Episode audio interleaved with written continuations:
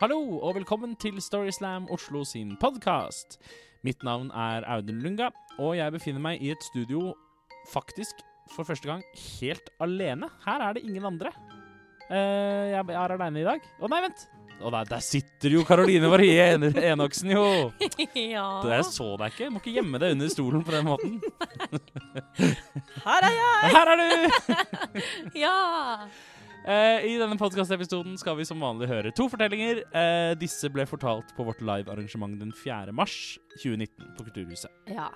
Fordi det er jo det vi i Storyslam i hovedsak driver med. Yes. Det er jo å arrangere live arrangementer der folk går opp på scenen og konkurrerer om å fortelle den beste, sanne, selvopplevde historien. Ja, Så denne podkasten er på en måte bare kremen på isfjellet. Riktig. Yes. Rosinen i pølsa. Yes. Ja, riktig. Eh, og den første fortelleren vi skal få treffe i dag, det var han som vant denne kveldens eh, Storyslam. Her kom historien til Marius Torkelsen.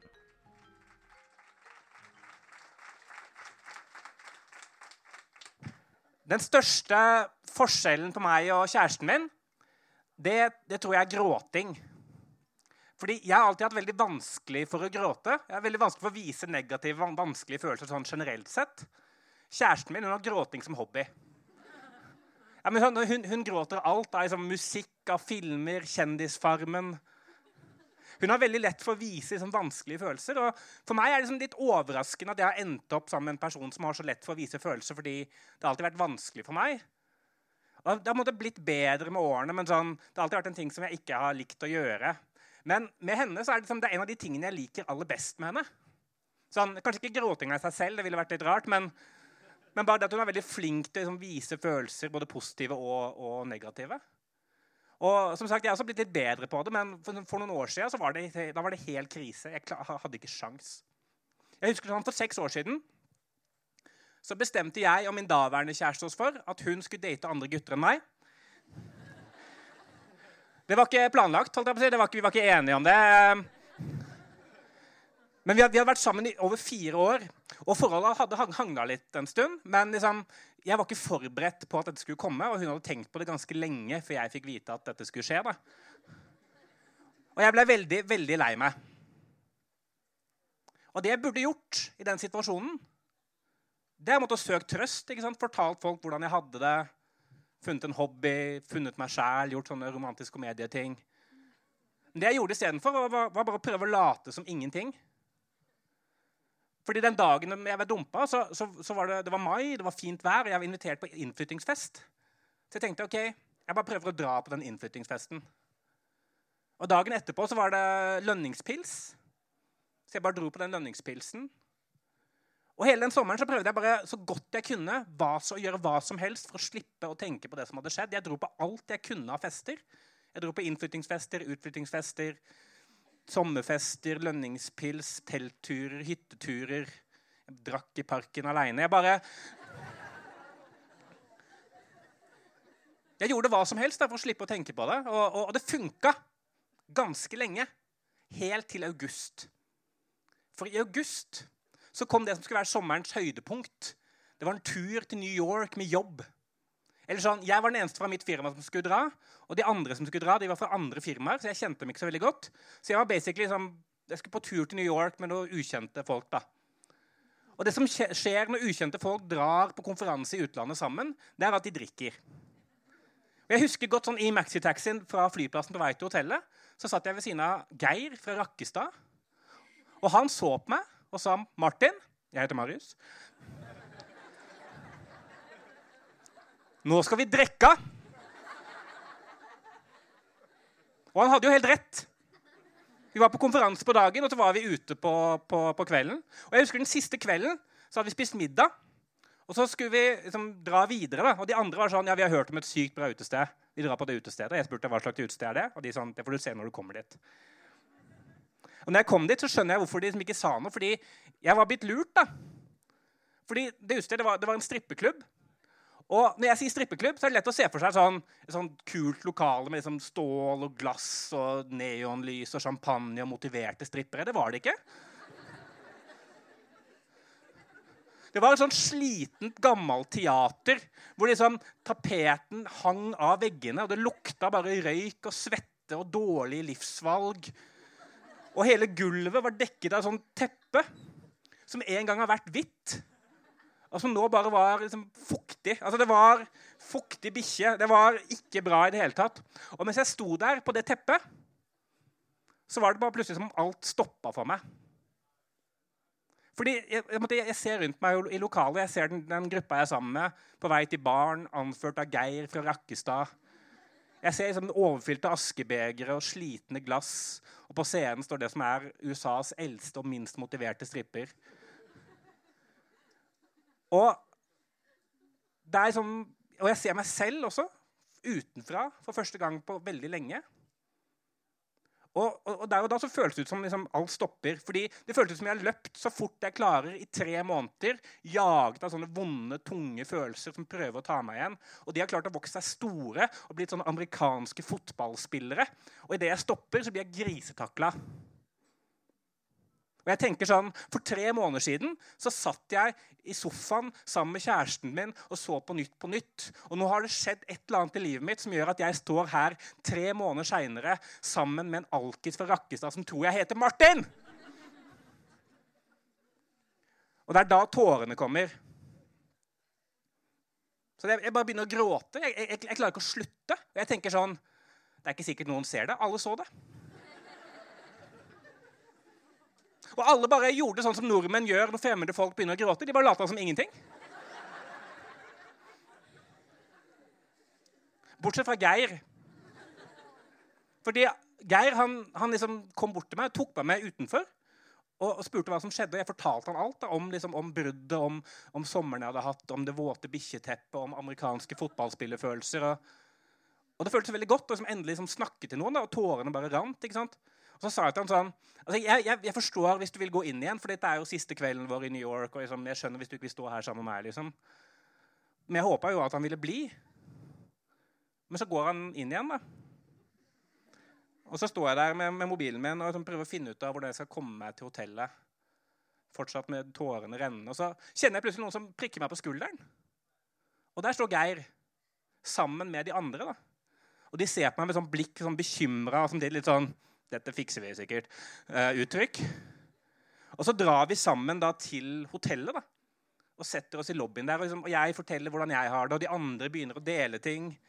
Og Geir fra Rakkestad han også har hatt det vanskelig. da. Han liksom er i et forhold han ikke vil være i. og... Og det er, det er, veldig fint. da. Det er veldig, veldig fint. Og, og dagen et, et, etterpå så, så, drar vi hjem igjen da, til, til Norge. Og i etterkant så har jeg og Geir faktisk holdt liksom, kontaktene.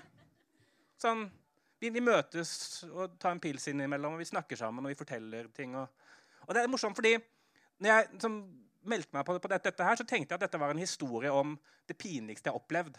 Om den gangen jeg begynte å gråte på et utested i New York. At det var veldig veldig flaut. Men så har jeg skjønt da, etter hvert som jeg med dette, her, at det historien egentlig handler om, er som noe helt annet. da. At den egentlig handler om liksom det å faktisk komme nærmere folk. og at noen ganger så er liksom den beste måten å smøre en relasjon på kanskje tårer, da, og ikke alkohol. Takk.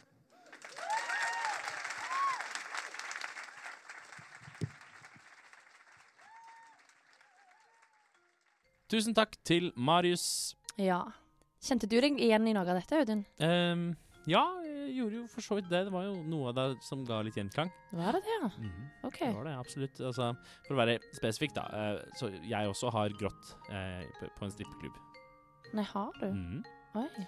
Har det. Men det, det, var jo fordi jeg ble buet av scenen, da. Så eh, måtte jeg legge den karriereveien på hylla. ja, nettopp. Yes. Ok. Og så havner du her i stedet. Yes. Så det, det det går opp og ned her i verden. For en gave. For en gave. Yes. Ja, ok. Det er viktig å åpne seg litt av og til. Definitivt viktig. Ja. Eh, vi skal videre til neste fortelling, og da skal vi over i et litt annet eh, landskap. Eh, men denne fortellingen handler jo òg om det å miste noen. Mm. Her kommer fortellingen til Arle Slagsvold.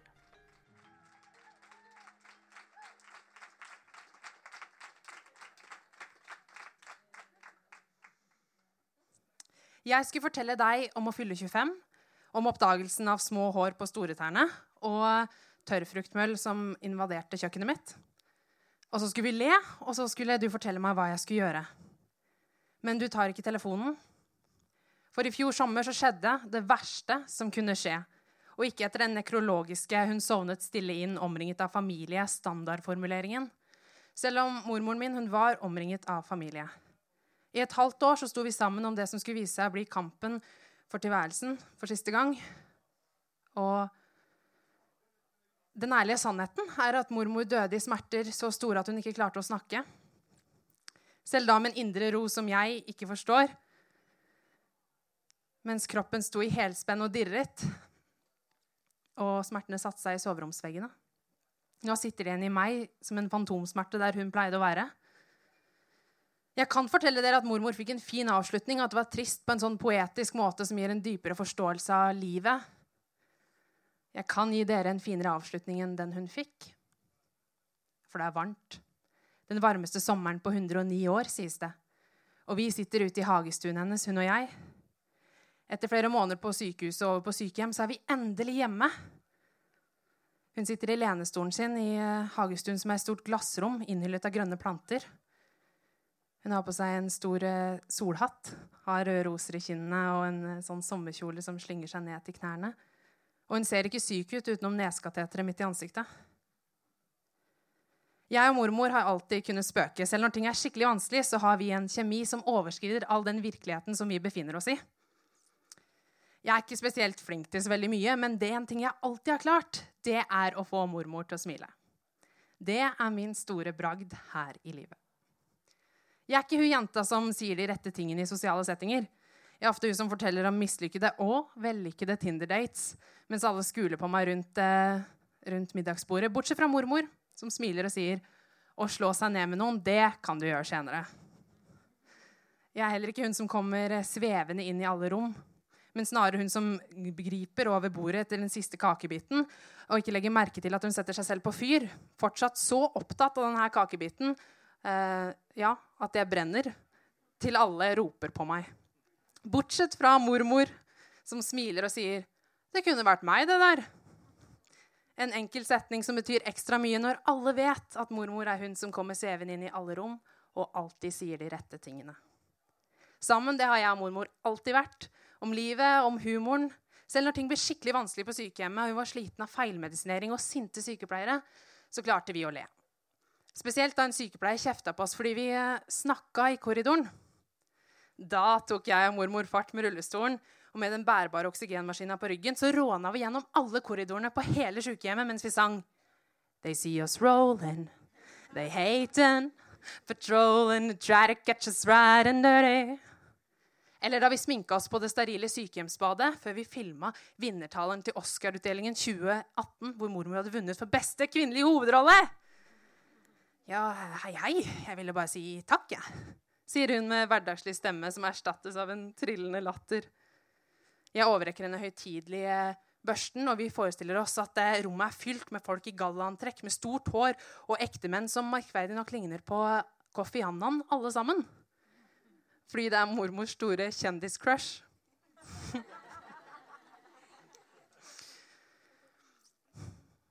Hun tar imot hårbørsten med en ærverdig bevegelse, og så anstrenger hun seg for å løfte opp armen og vinke ut til alle sine fans.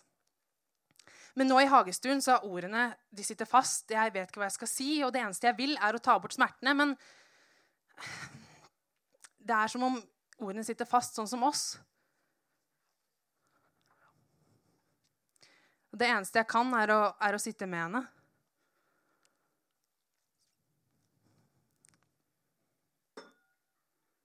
Det er som alle de gangene når vi var på hytta og løste kryssord.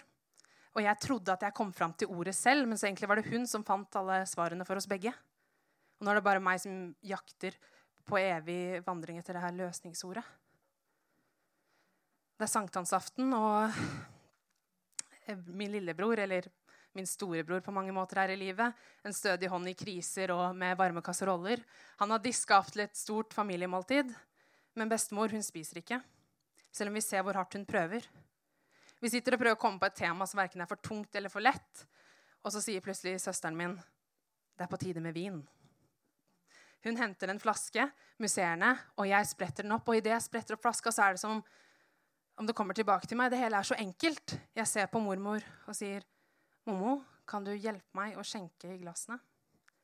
Hun åpner øynene, og med den energien hun har, så tar hun fatt i flasken med meg, og sammen heller vi over og ser den lysrosa fargen fylle dem og kjenner lukten av bobler. Og den kraftanstrengelsen det tok for henne, men også det at hun var i kontroll. Hun var ikke bare den syke pasienten, hun var bestemoren som alltid hjalp barnebarnet sitt. Vi hever glassene sammen, jeg og mormor og alle i familien, opp mot himmelen. Venter spent mens hun tar første slurken. Alle litt nervøse for at hun skal få noe i vrangen igjen. Det blir helt stille. Plutselig hvisker hun under pusten 'farlig'.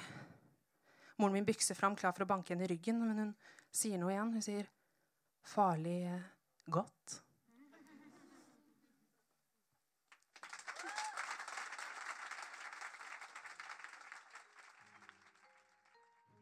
Tusen takk til Erle. Ja. Og neste Storyslam, Audun, det er jo allerede mandag 6. mai. Ja, det er jo ikke lenge til i det hele tatt. Nei, det er det ikke. Og det er jo som vanlig på Kulturhuset i Oslo. Ja, det blir gøy. Det blir kjempegøy. Du kan finne mer informasjon om arrangementet og billetter og allting på Facebook. Ja. Storyslam Oslo. Riktig.